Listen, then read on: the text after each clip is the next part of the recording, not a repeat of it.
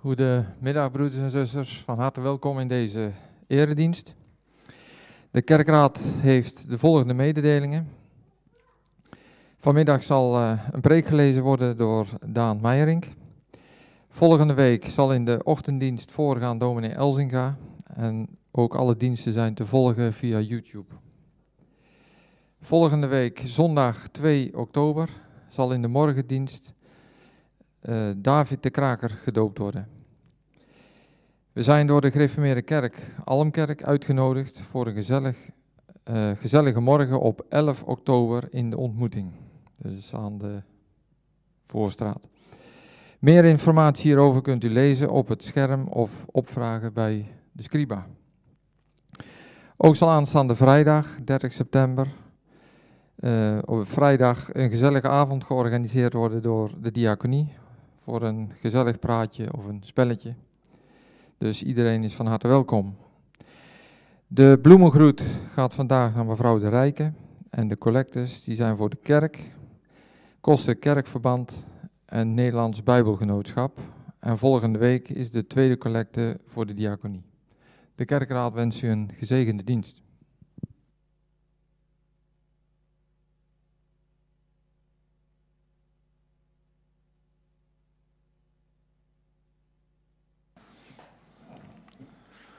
Goedemiddag, broeders en zusters, luisteraars en kijkers ook die meeluisteren via YouTube of op een andere manier of op een ander tijdstip. Ook van harte welkom in deze dienst van de Reformeerde Kerk vrijgemaakt, de Almkerk Werkendam. Laten we uit eerbied voor de Heer eerst gaan staan.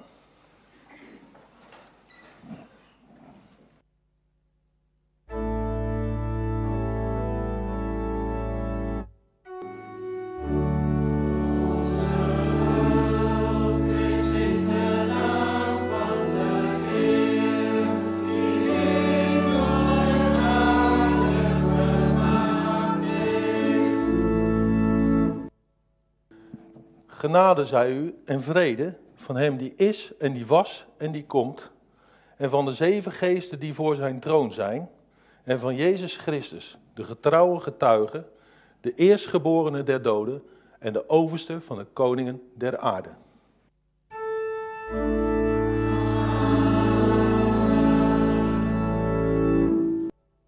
We willen nu met elkaar zingen uit het Psalmenboek, Psalm 108, vers 1 en vers 2.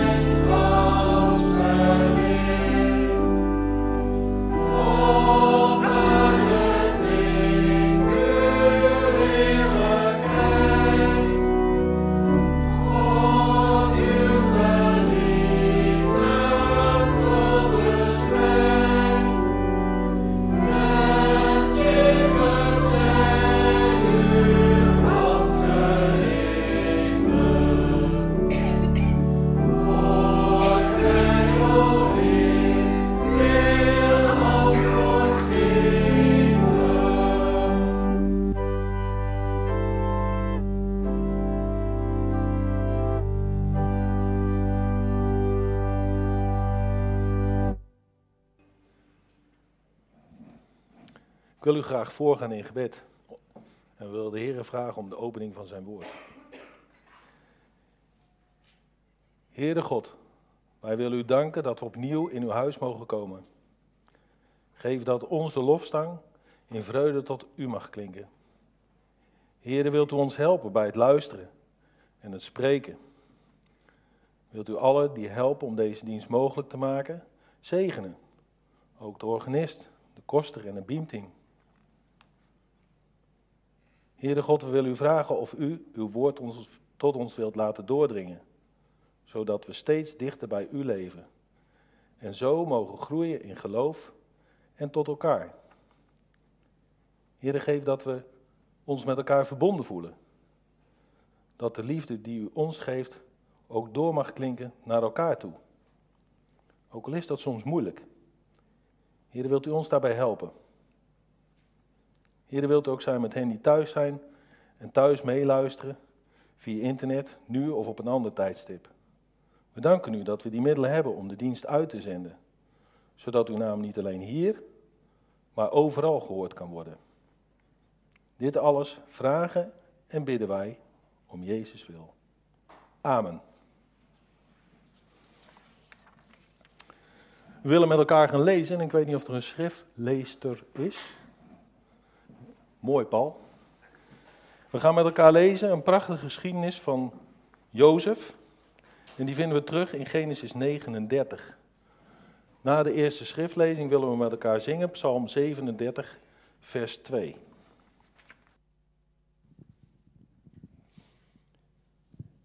Jozef en de vrouw van Potifar. Jozef was dus door de Ismaëlieten meegenomen naar Egypte. En daar was hij gekocht door Potifar, een Egyptenaar die tot de hovelingen van de farao behoorde en het bevel voerde over zijn lijfwacht.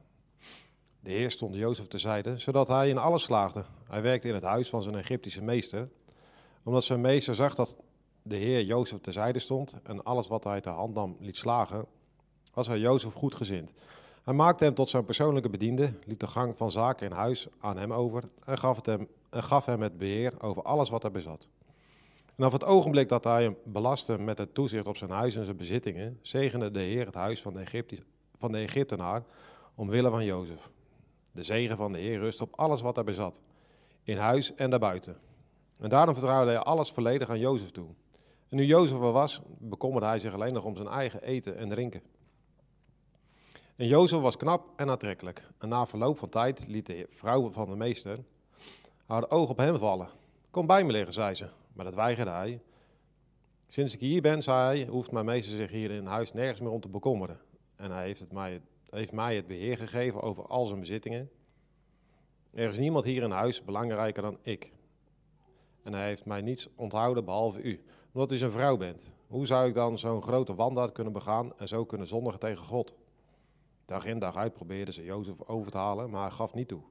Hij wilde niet bij haar gaan liggen, maar op zekere dag toen hij het huis binnenkwam om zijn werk te doen en geen van de bedienden daar aanwezig was, greep ze hem bij zijn kleed, kom bij me liggen, drong ze aan, maar hij vluchtte naar buiten. Zijn kleed liet hij in haar handen achter. Toen, besefte, toen, besefte, toen ze besefte dat hij gevlucht was en zijn kleed bij haar had achtergelaten, riep ze haar bediende en zei tegen hen, moet je nou zien, hij moest zo nodig een Hebreeuwer in huis halen, zeker om zich met ons te kunnen vermaken. Die man is bij me gekomen en wilde bij me liggen, maar ik begon luid te roepen. En toen hij me zo hoorde schreeuwen, ging hij er vandoor en liet zijn kleed hier bij me achter. Ze liet het kleed naast zich liggen totdat Jozefs meester thuis kwam en vertelde hem het, hetzelfde verhaal. Die Hebreeuwse slaaf die jij in huis hebt gehaald, is bij me gekomen om zich met me te vermaken. En toen ik begon te schreeuwen, ging hij er vandoor en liet zijn kleed hier bij me achter. Toen Jozef meester zijn vrouw hoorde vertellen dat ze door zijn slaaf was behandeld, dat ze zo door zijn slaaf was behandeld, werd hij woedend. Hij liet Jozef oppakken en in de gevangenis zetten, die bestemd was voor de gevangenen van de koning. En zo kwam Jozef in de gevangenis terecht. Maar de Heer stond hem terzijde en bewees hem, hem zijn goedheid door ervoor te zorgen dat Jozef bij de gevangenbewaarder in de gunst kwam. En deze gaf Jozef de verantwoordelijkheid over alle gevangenen. Er gebeurde niets buiten hem om. De gevangenbewaarder had geen omkijken naar wat dat aan Jozef was toevertrouwd, omdat de Heer hem terzijde stond en alles wat Jozef de hand nam, liet slagen.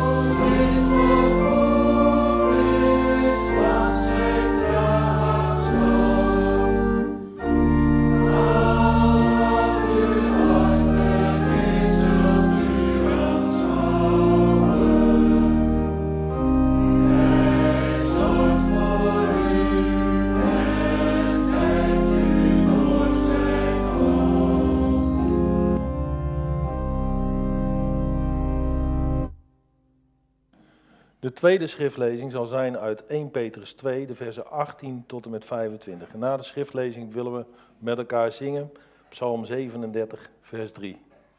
Ik verras je iets, Paul, geloof ik? Ja,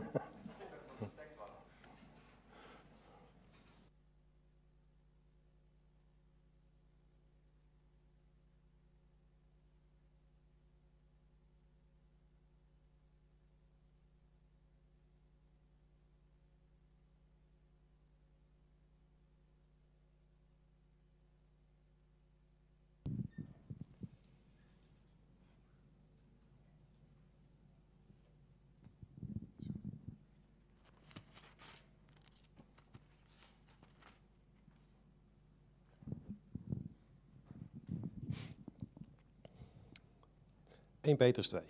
Slaven, erken het gezag van uw meesters en heb ontzag voor hen. Niet alleen voor goede en vriendelijke, maar ook voor slechte. Het is een blijk van genade als iemand, doordat zijn aandacht op God gericht is, in staat is onverdiend leed te verdragen.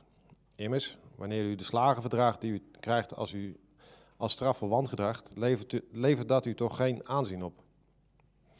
Het is echter een blijk van Gods genade wanneer u verdraagt wat u moet lijden voor uw goede daden. Dat is uw roeping. Ook Christus heeft geleden omwille van u en heeft u daarmee een voorbeeld gegeven. Treed dus in de voetsporen van hem, die geen enkele zonde beging en noodbedriegelijke taal sprak. Hij werd gehoond en hoonde zelf niet. Hij leed en dreigde niet. Hij liet het oordeel over, aan hem die die rechtvaardig oordeelt. Hij heeft onze zonde gedragen met zijn lichaam aan het kruishout, opdat wij, dood voor de zonde, rechtvaardig zouden leven.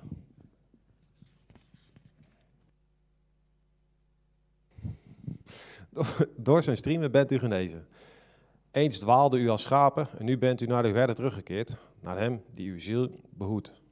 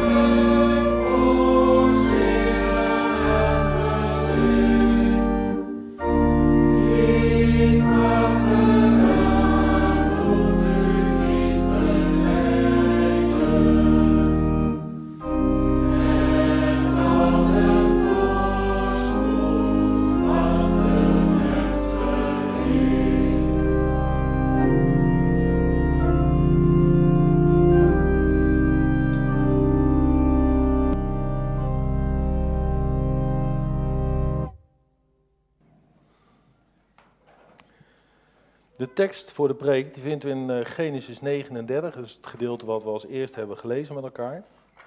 En na de preek zingen we als Amelied, Psalm 56, vers 3 en 4. De preek die ik ga lezen voor u is eh, van dominee Brink. Die heeft hij al een aantal jaren teruggeschreven. Hij maakte toen gebruik ook van de MBG-vertaling, de 51-vertaling. En dat betekent dat er een, een klein verschil in de tekst zit. Wij hebben gelezen met elkaar, maar de Heere stond hem te zijde. Maar in de oude MBG-vertaling staat, de Heer was, was met hem. En dat komt een aantal keren terug. Het bijzondere was, vanmorgen, toen zijn wij in uh, Dieren naar de kerk geweest. En de voorganger daar, uh, die haalde dat exact, ook die bewoordingen haalde die weer aan.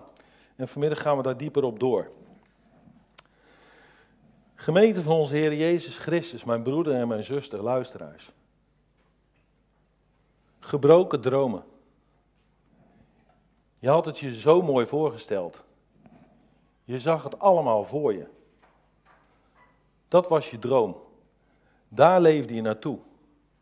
Doelbewust. Maar het valt allemaal in duigen. De droom gaat stuk en valt in gruzelementen. Er komt helemaal niets van terecht. Wat valt dat tegen? Je ziet het niet meer voor je. Je ziet het niet meer zitten. Je overziet het niet meer. Dat is wat gebeurt in het leven van Jozef. Eerst die mooie voorstelling dat hij een vooraanstaande positie zou krijgen. Hij zag het voor zich. Maar de droom werd gebroken. Het begint met de mantel die hem wordt afgerukt. Hij wordt in de put gedumpt door zijn broers en in een slavenkaravaan gedropt, verkocht voor een jaarsalaris. Hij was toen ongeveer 17 jaar. De droom is gebroken en zelf is hij ook gebroken. Maar het gebeurt weer. Weer een droom. Als het goed gaat in het huis van Potifar. Hij krijgt steeds meer vertrouwen en wat in zijn handen komt, lukt. Een uitgelezen kans, een mooie toekomst. Hij ziet het voor zich. Maar weer wordt die droom gebroken. Opnieuw wordt zijn jas afhandig gemaakt. De droom valt weer in diggelen. Hij komt in de diepte terecht. Nu in de donkere gevangenis. Helemaal ten onrechte. De droom is gebroken en zelf is hij ook gebroken. Maar deze geschiedenis staat ingeklemd tussen twee grote vangarmen. Aan het begin en aan het eind lees je, de Heere is met Jozef. Tussen die twee vangarmen zit zijn geschiedenis. En dat is ook het thema van de preek. De preek is in drie punten verdeeld. De Heere is met Jozef als hij in dienst is van Potifar. En dan het volgende, de Heere is met Jozef in het weerstaan van de verleiding. En dan staat er weer, de Heere is met Jozef in de gevangenis. Dus het thema is, de Heere is met Jozef. Het eerste is, de Heere is met Jozef als hij in dienst is van Potifar. De Heere is met Jozef in het weerstaan van de verleiding. En de Heere is met Jozef in de gevangenis. Het thema, de Heer is met Jozef.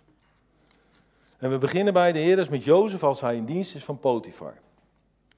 Jozef komt op de slavenmarkt terecht. Dat zal vast geen pretje zijn geweest, om als slaaf op de markt te koop te staan. Om door het publiek als koopwaar te worden bekeken. Te worden betast zoals je boeren op de veemarkt ziet doen. Om over de prijs te horen onderhandelen. Totaal onzeker over wie je koopt en waar je terechtkomt. Geen enkel recht om op te staan. Helemaal niets. Geen vooruitzicht dat je ook maar vrijkomt. Dat is dus maar afwachten. Jozef heeft op dat moment nog helemaal niets van die gebeurtenissen begrepen. Het waarom ervan ontgaat hem volledig. Waarom doet de Heer dat? Waarom laat Hij dit toe? Maar wanneer Gods kinderen het niet meer zien, betekent dat niet dat God hen heeft losgelaten. Is God met hem? Meteen al aan het begin? Dat zou je zo niet zeggen in die omstandigheden. En we leggen die koppeling meestal niet. Je gaat door een diep dal, belandt in de moeite en komt te staan voor onbeantwoorde vragen. Of je ziet het somber in.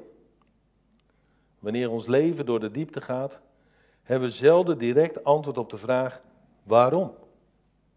Vraagtekens volop. Je ziet het niet meer. Toch betekent dat niet dat God je in de steek heeft gelaten, al voel je het misschien wel zo. Misschien lijkt het wel zo. Van Jozef lees je, God is met hem, ook als slaaf. Je leven kan de bodem in worden geslagen, dromen kunnen worden gebroken, en toch is God met je als je met hem gaat. Menselijke gewijs kan het een mislukking zijn. Jozef is en blijft slaaf. Hij heeft geen vrijheid en niets van zichzelf. Maar dat God met hem is, dat is het geheim van zijn leven. Hij komt in het huis van Potifar. In het huis terechtkomen van zo'n hoge plaats als Potifar, dat is niet het slechtste wat je kan overkomen. Bovendien, Jozef had evengoed op het land kunnen zijn geplaatst. En dat betekende voor een slaaf meestal zwoegen in de brandende hitte van s morgens vroeg tot s avonds laat. Nee, Jozef begint meteen binnenshuis. Hij zal met grondwerk zijn begonnen, zoals vloeren aanvegen en vuur aanmaken. En niets is per se oog geregeld. Jozef wordt alleen beloond met eten en slapen. Ondanks zijn leven als slaaf groeit er toch iets moois. In zijn mislukking, slaaf worden en je vrijheid verliezen, maakt God hem tot iemand die alles lukt.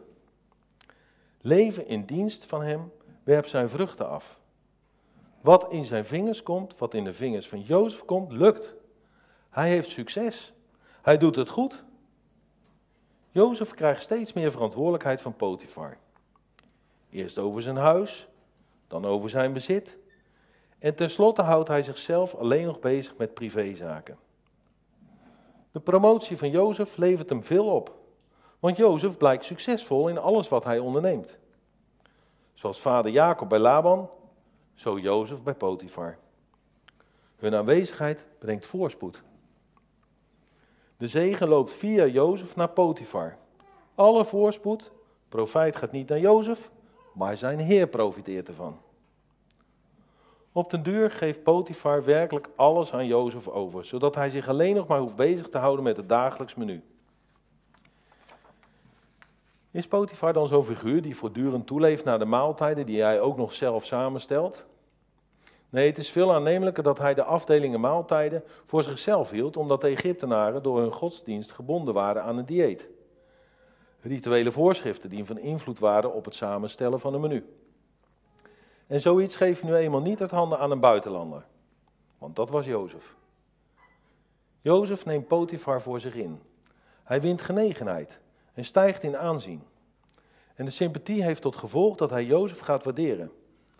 Het wordt Potifar duidelijk dat alles wat hij uit handen geeft aan Jozef, dat dat lukt. Gouden handjes heeft hij Jozef. Er gaat iets van Jozef uit. In het begin zal hij misschien best wel hebben gedacht, ik heb een goede koop gedaan. Vermoedend dat het in Jozef zelf zit. Maar al snel komt hij erachter dat er meer aan de hand is. Hem blijkt dat God met hem is. In Egypte is de God van Jacob onbekend. De naam Potifar betekent die Ra geschonken heeft. En Ra was natuurlijk een afgod. Potifar is een ras-echte Egyptenaar. Hoe kan het dat anders dan dat Jozef van zijn God heeft verteld? Jozef moet vrijuit hebben gesproken. Hij heeft zich niet geschaamd voor zijn God. Hij praat over hem laat zich leiden door de Heer. Dus er is meer dan natuurlijke gaven. Hij heeft van zichzelf geen bijzondere gaven. Hij vestigt niet de aandacht op zichzelf, maar wijst van zichzelf af. Hij wijst naar God. En dat valt ook op. Via Jozef ziet Potifar God aan het werk. Potifar heeft dus meer in Jozef gezien dan alleen maar aanleg en handigheid bij de jongeman. De jongen is voor hem een openbaring. Hij was transparant, als het ware doorzichtig. Door hem zag Potifar God aan het werk. Anders gezegd, Jozef is een leesbare brief van God geweest. Zo iemand die niet de aandacht van God afleidt naar zichzelf toe, maar omgekeerd, van zichzelf af naar God toe. Hij heeft in die omstandigheden, die moeilijke omstandigheden als slaaf, heeft hij getuigd. Zelf als slaaf vernederd geeft hij hoog op van God. Je zou zo zeggen, bepaalt geen reclame voor een God die zijn dienaars als slaaf laat verkopen. Die zo met zijn vereerders doet. Jozef blijft trouw aan God. Hij vestigt de aandacht op hem. Als alles glad verloopt, is de verleiding groot naar jezelf te wijzen. Kijk mij eens, heb ik toch maar even mooi gepresteerd? Als de droom stuk geslagen wordt en je met lege handen staat, is er meer ruimte om naar hem te wijzen. Ook als dingen mislukken en het heel moeilijk gaat, heb je de mogelijkheid om naar hem, naar God te wijzen. Om te laten zien op wie je je hoop vestigt en waar je verwachting naar uitgaat. In goede en kwade dagen God aanbevelen wat gaat daar veel van uit? Van jezelf afwijzen. Niet overal uit zijn, maar naar Hem zijn. naar Hem wijzen. Dat geeft houvast. Mijn God zal met mij wezen, wat er ook gebeurt en wat mensen mij ook aandoen. God is met Jozef, dat is zijn kracht. Immanuel, zoals Jezus heet. Zoals hij gezegd heeft, zonder mij kun je niets doen.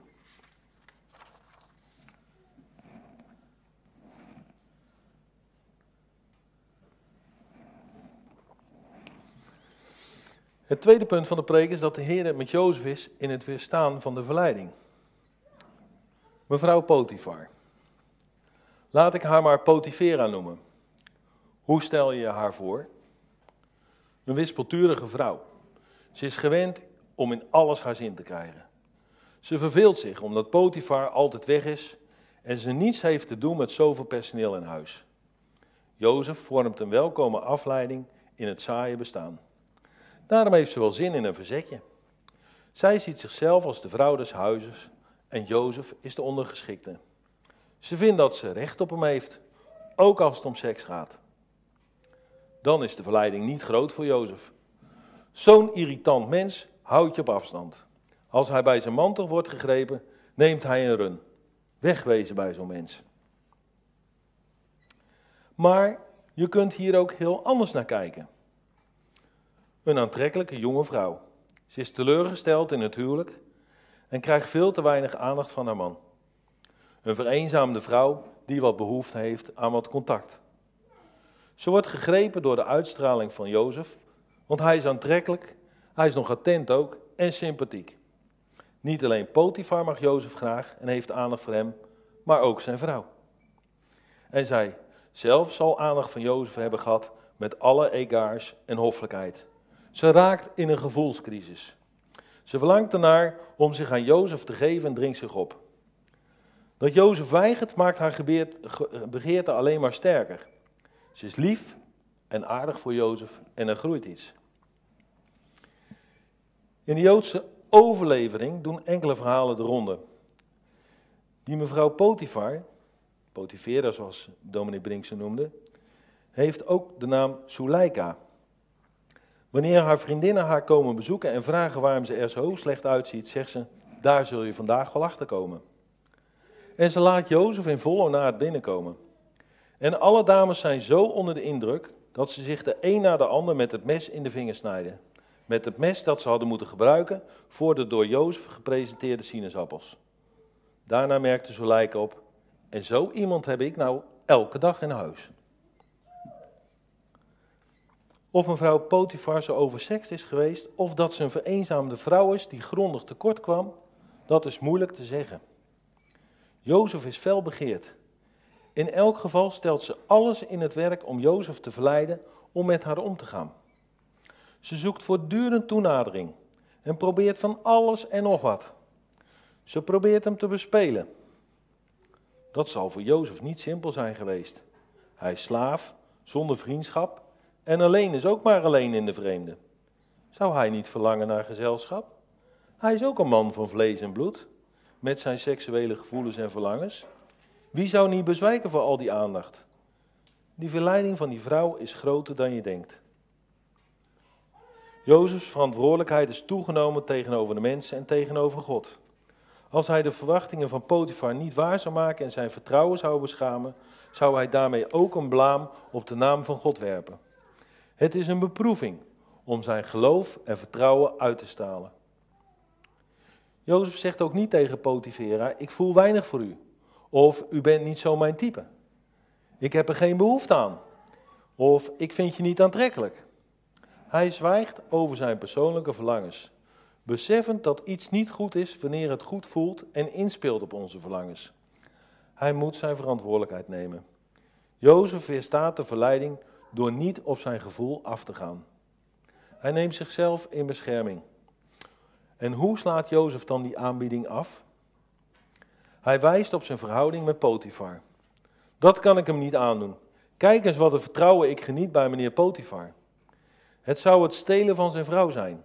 Stelen van Potifar. Iets toe-eigenen wat niet van Jozef is, niet van hem. Hij laat zien wat hij tot nu toe aan Potifar te danken heeft. Het zou heel ondankbaar zijn om met die vrouw, met zijn vrouw aan de haal te gaan. En Jozef wil het God niet aandoen. Het is kwaad in Gods ogen. Wie zijn naaste tekort doet, doet God tekort. Wonderlijk dat Jozef de verleiding weerstaat. Hij had ook kunnen denken, God heeft mij in die eenzame situatie gebracht. Hij laat het gebeuren. Ik heb toch ook mijn vriendschap nodig? Ik ben toch ook een man met gevoelens en verlangens? Hij staat in haar warme belangstelling. Dat kan zijn weerstand verzwakken. Voor de eerste keer afslaan is niet zo moeilijk, maar keer op keer, dag in, dag uit. Potifera is niet gevoelig voor zijn argumenten. Zij weerstaat niet. Ze is helemaal in de ban van die jongen. Zij staat in vuur en vlam en geeft niet zomaar op. Zij gaat wel af op haar gevoelens. Zij laat haar gevoelens en verlangens heersen over de trouw aan haar man en God. En dan blijkt hoe groot de kracht van de seksuele verlangens is. Ze stuurt mensen voort tot een uiterst geprikkeld en heftig leven. Het maakt inventief. Wanneer het niet direct lukt, dan maar via een omweg. Ze blijft constant druk op Jozef uitoefenen, dag in dag uit. En dat is geen kleinigheid. Ze zal alles uit de kast hebben gehaald en haar verleidingskunsten hebben uitgeprobeerd. Een vrouw die verkeerd wil, kent haar tactieken en is daarom vuurgevaarlijk. Voor de eerste keer nee zeggen is niet het moeilijkste. Moeilijker is het om dat telkens opnieuw te doen. Je begint onwillekeurig met de gedachte te spelen. Er zijn van die momenten waarin alles dan samenspant, waarin alle omstandigheden gearrangeerd lijken om je in de val te laten lopen. En zo is het hier ook. Op zulke momenten heeft Satan alle troef in hand. Jozef komt binnen om zijn werk te doen en de kust is vrij. Potifera zoekt toenadering. Ze grijpt haar kans. Jozef, kom op, de kust is vrij. Er is niemand in huis. Potifar is er niet. Niemand is er die iets vermerkt. Kom even bij me liggen. Naast mij liggen, zegt ze. En wat spelen. Verleiding wordt verzoeking als Satan zijn moment kiest en alles op alles zet. Jozef had haar kil en koel kunnen afwijzen en zich onbewogen uit haar greep kunnen ontworstelen. Tegen zo'n jonge kerel zou zij nooit zijn opgewassen. Ze had geen schijn van kans. Als Jozef onverschillig tegenover haar had gestaan, had hij gewoon het kleed gepakt en had hij gezegd: Move. Het feit dat Jozef hals over kop vlucht, doet vermoeden dat zijn eigen begeerte wakker is geworden. En op zo'n moment blijft er maar één middel over en dat is maken dat je wegkomt. Het wordt hem te veel. Hij laat zijn jas achter. Hij neemt een run. Hij loopt hard weg. Nee, hij gaat de verleiding uit de weg. Hij vlucht. Hij gaat op de loop. Zo ook in het Nieuwe Testament staat. Vlucht de hoererij. Schuw de begeerte van je jeugd. Jaag naar trouw, liefde en vrede. Ontkom aan verderf dat door begeerte in de wereld heerst. Bevredigen van verlangens. Dus de overwinning op de verleiding was niet puntgaaf, maar het was een overwinning. Hoe kan Jozef de verleiding weerstaan? Omdat hij zo sterk is? Simson valt. David valt. Salomo valt. Waren geen kleine jongens. Had Jozef geen verlangens naar vrouwen? De verleiding was echt. En Jozef was ook maar een man van vlees en bloed. We moeten van hem heus geen supermens maken. Waar het om gaat is dat je tegen zulke gevaarlijke situaties bent opgewassen wanneer God met je is. Dan weersta je het begin. Een lucifer kun je nog uitblazen, maar als je in vuur en vlam komt te staan en je bent aangestoken, dan ben je verkocht. Jozef is trouw gebleven omdat hij God heeft gevreesd. God is met hem. Dankzij de verhouding met God wordt hij ervoor bewaard jezelf rein te bewaren. Het kan, het kan met Gods hulp. Hij zal je voor struikelen en vallen behoeden. Allemaal komen van tijd tot tijd verleidingen of verzoekingen tegen. Dit kan bijvoorbeeld op seksueel terrein zijn, iets waar je gevoelig voor bent. Omgang met God is dan Hem aan het woord laten. Biddend je weggaan. Dan zijn de verleidingen nog niet weg. We kunnen vallen, maar er is een manier om te weerstaan. God was met hem. God was met Jozef. Anders had hij het niet gered. Niet boven vermogen verzocht, dankzij Christus. In alle dingen verzocht geweest, zonder te zondigen. We gaan naar het derde punt. De Heer is met Jozef in de gevangenis. Het bewijs van onschuld wordt het bewijs van schuld. Weer dient het kleed als bewijsstuk om mee te bedriegen. Nu haar liefde voor Jozef weer niet bevredigd is, slaat hij om in haat. De liefde slaat om in haat of in angst. En zij vertelt wat er is gebeurd. En dan is ze verkocht. Ze redt zich eruit. Ze redt zichzelf. Je ziet een vrouw die er alleen voor staat. Ze wil geen vernedering ondergaan. Ze is precies het tegenbeeld van Jozef. De Heer is niet met haar. Ze werkt zichzelf in de nesten ten koste van anderen. En ze liegt alles aan elkaar. En alles is vol seksuele intimidatie. Ze keert alles om. Hij liet het kleed bij mij achter.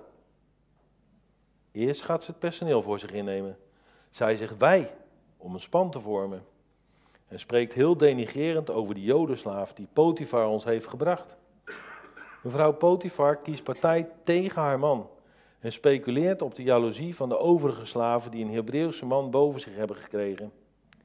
Die zullen het slecht hebben kunnen verkroppen dat zo'n buitenlander snel is opgeklommen en boven hen is komen te staan. Ze sluit een pact met het personeel tegenover haar man. Dat is heel sluw aangepakt, want nu dwingt ze haar man wel gehoor te geven aan haar verhaal.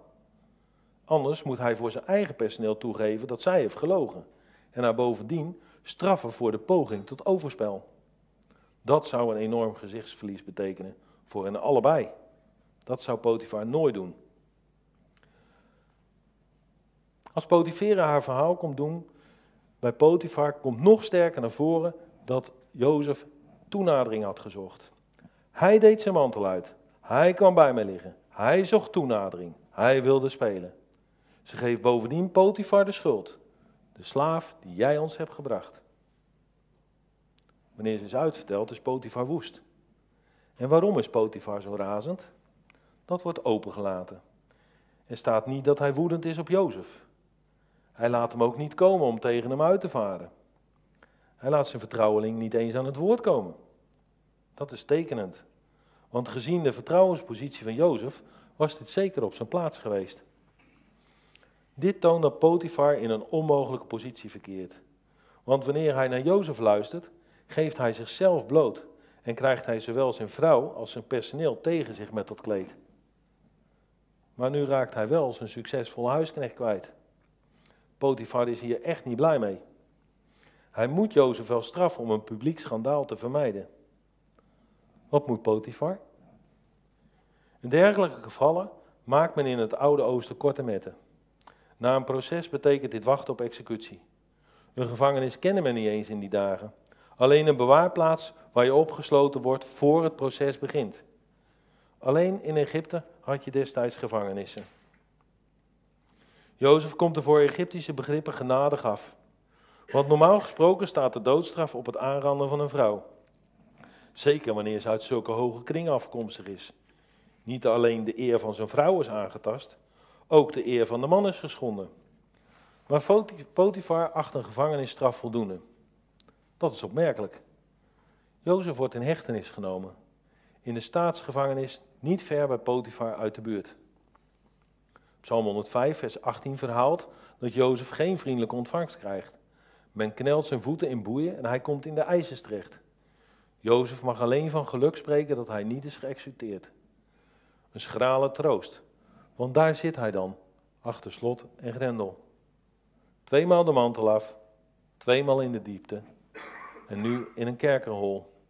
Onschuldig gestraft. Geen advocaat, geen Amnesty International. Jozef moet lijden ter wille van zijn trouw aan God. Zijn trouw aan Potifar brengt hem in het gevang.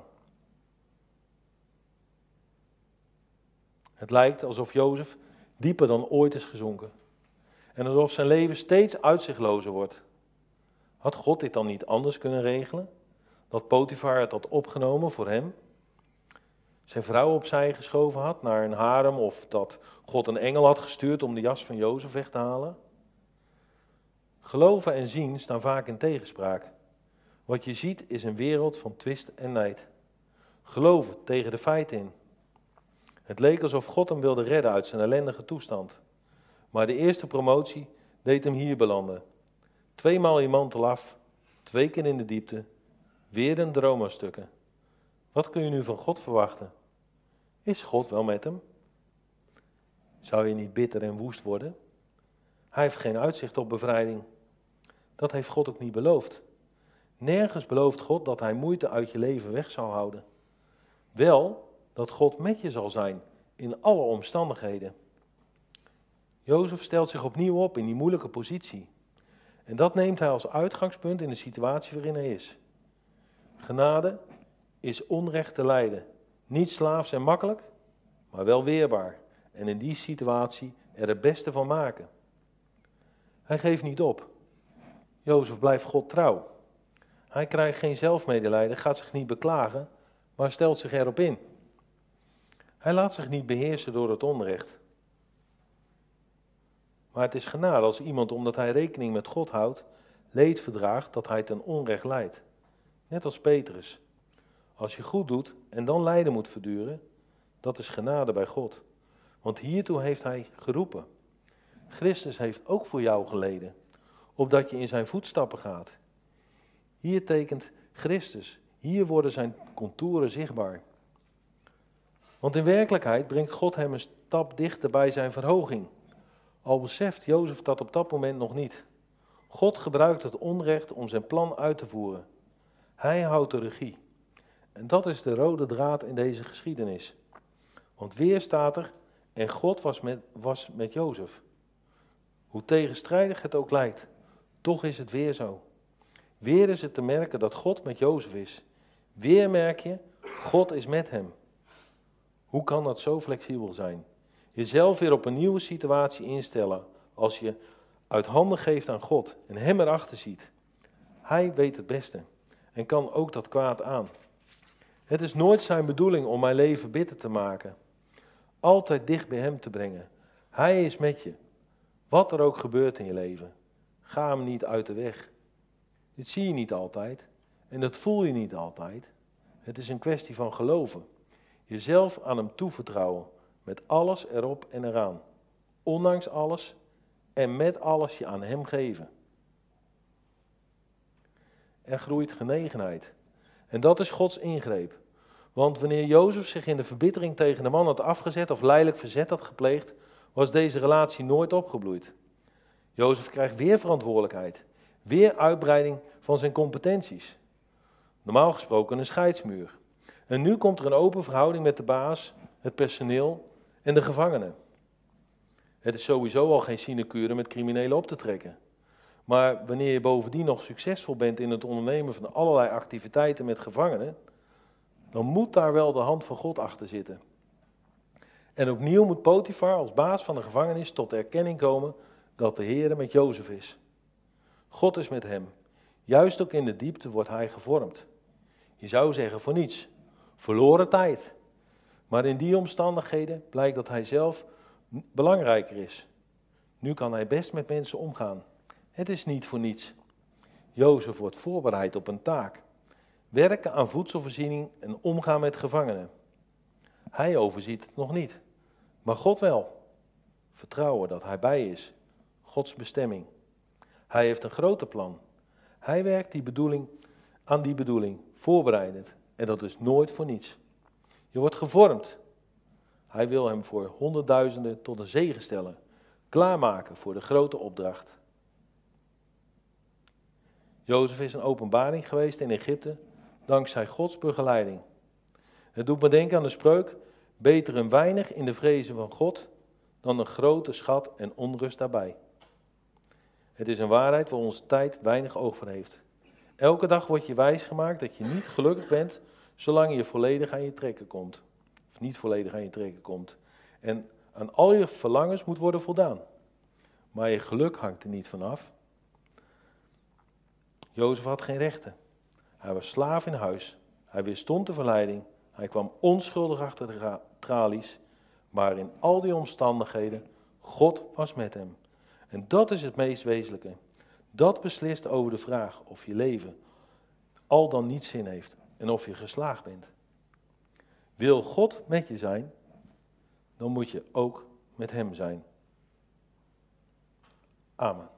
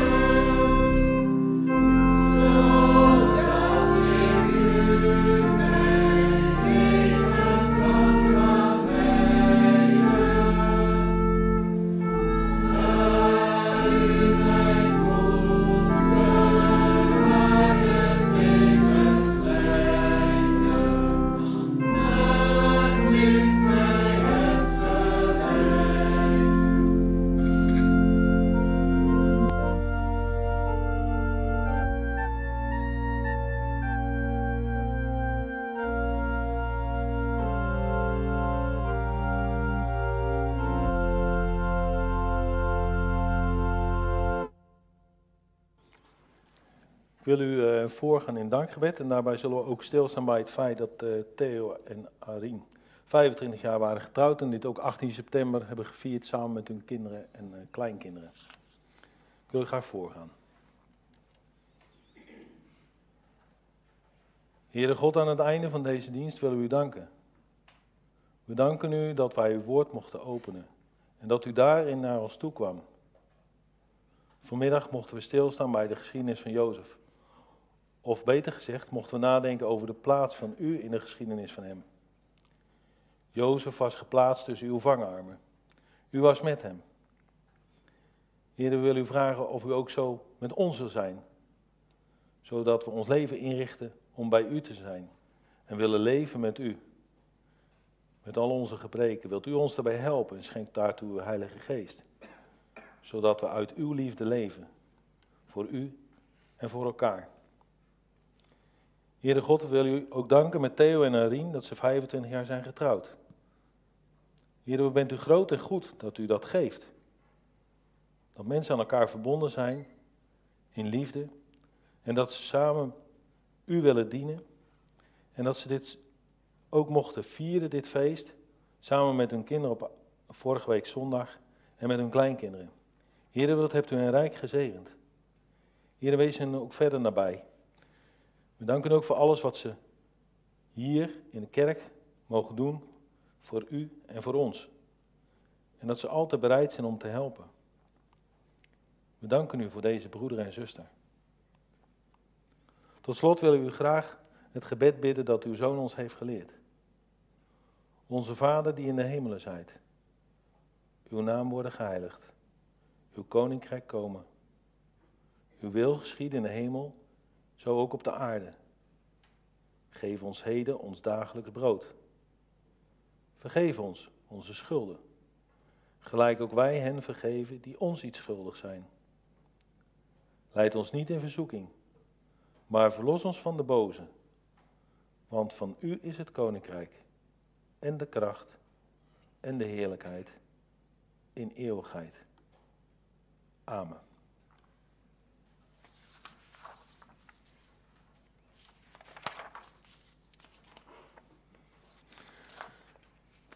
We willen nu met elkaar staande ons geloof uitzingen, ons geloof beleiden. En dat willen we doen door het oude gezang, gezang 179b. Het zal misschien inmiddels een ander nummer hebben.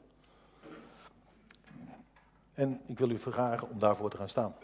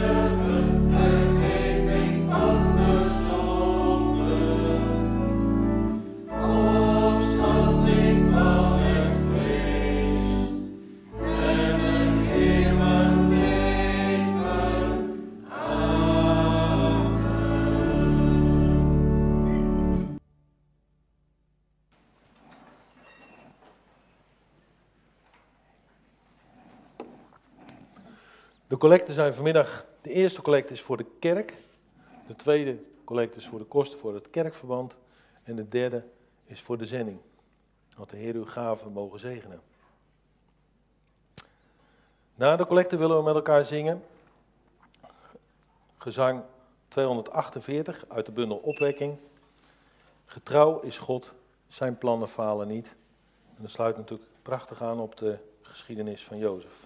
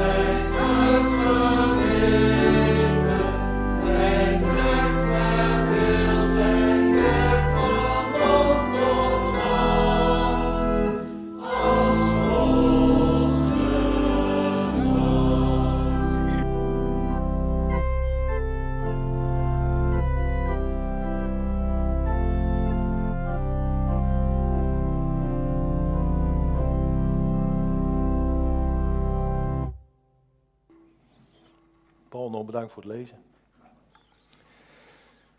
Dat de Heer met u wil zijn, blijkt ook uit zijn zegen. De Heere zegen u en behoede u. De Heere doet zijn aangezicht over u lichten en zij u genadig. De Heere verheffen zijn aangezicht over u en geven u vrede.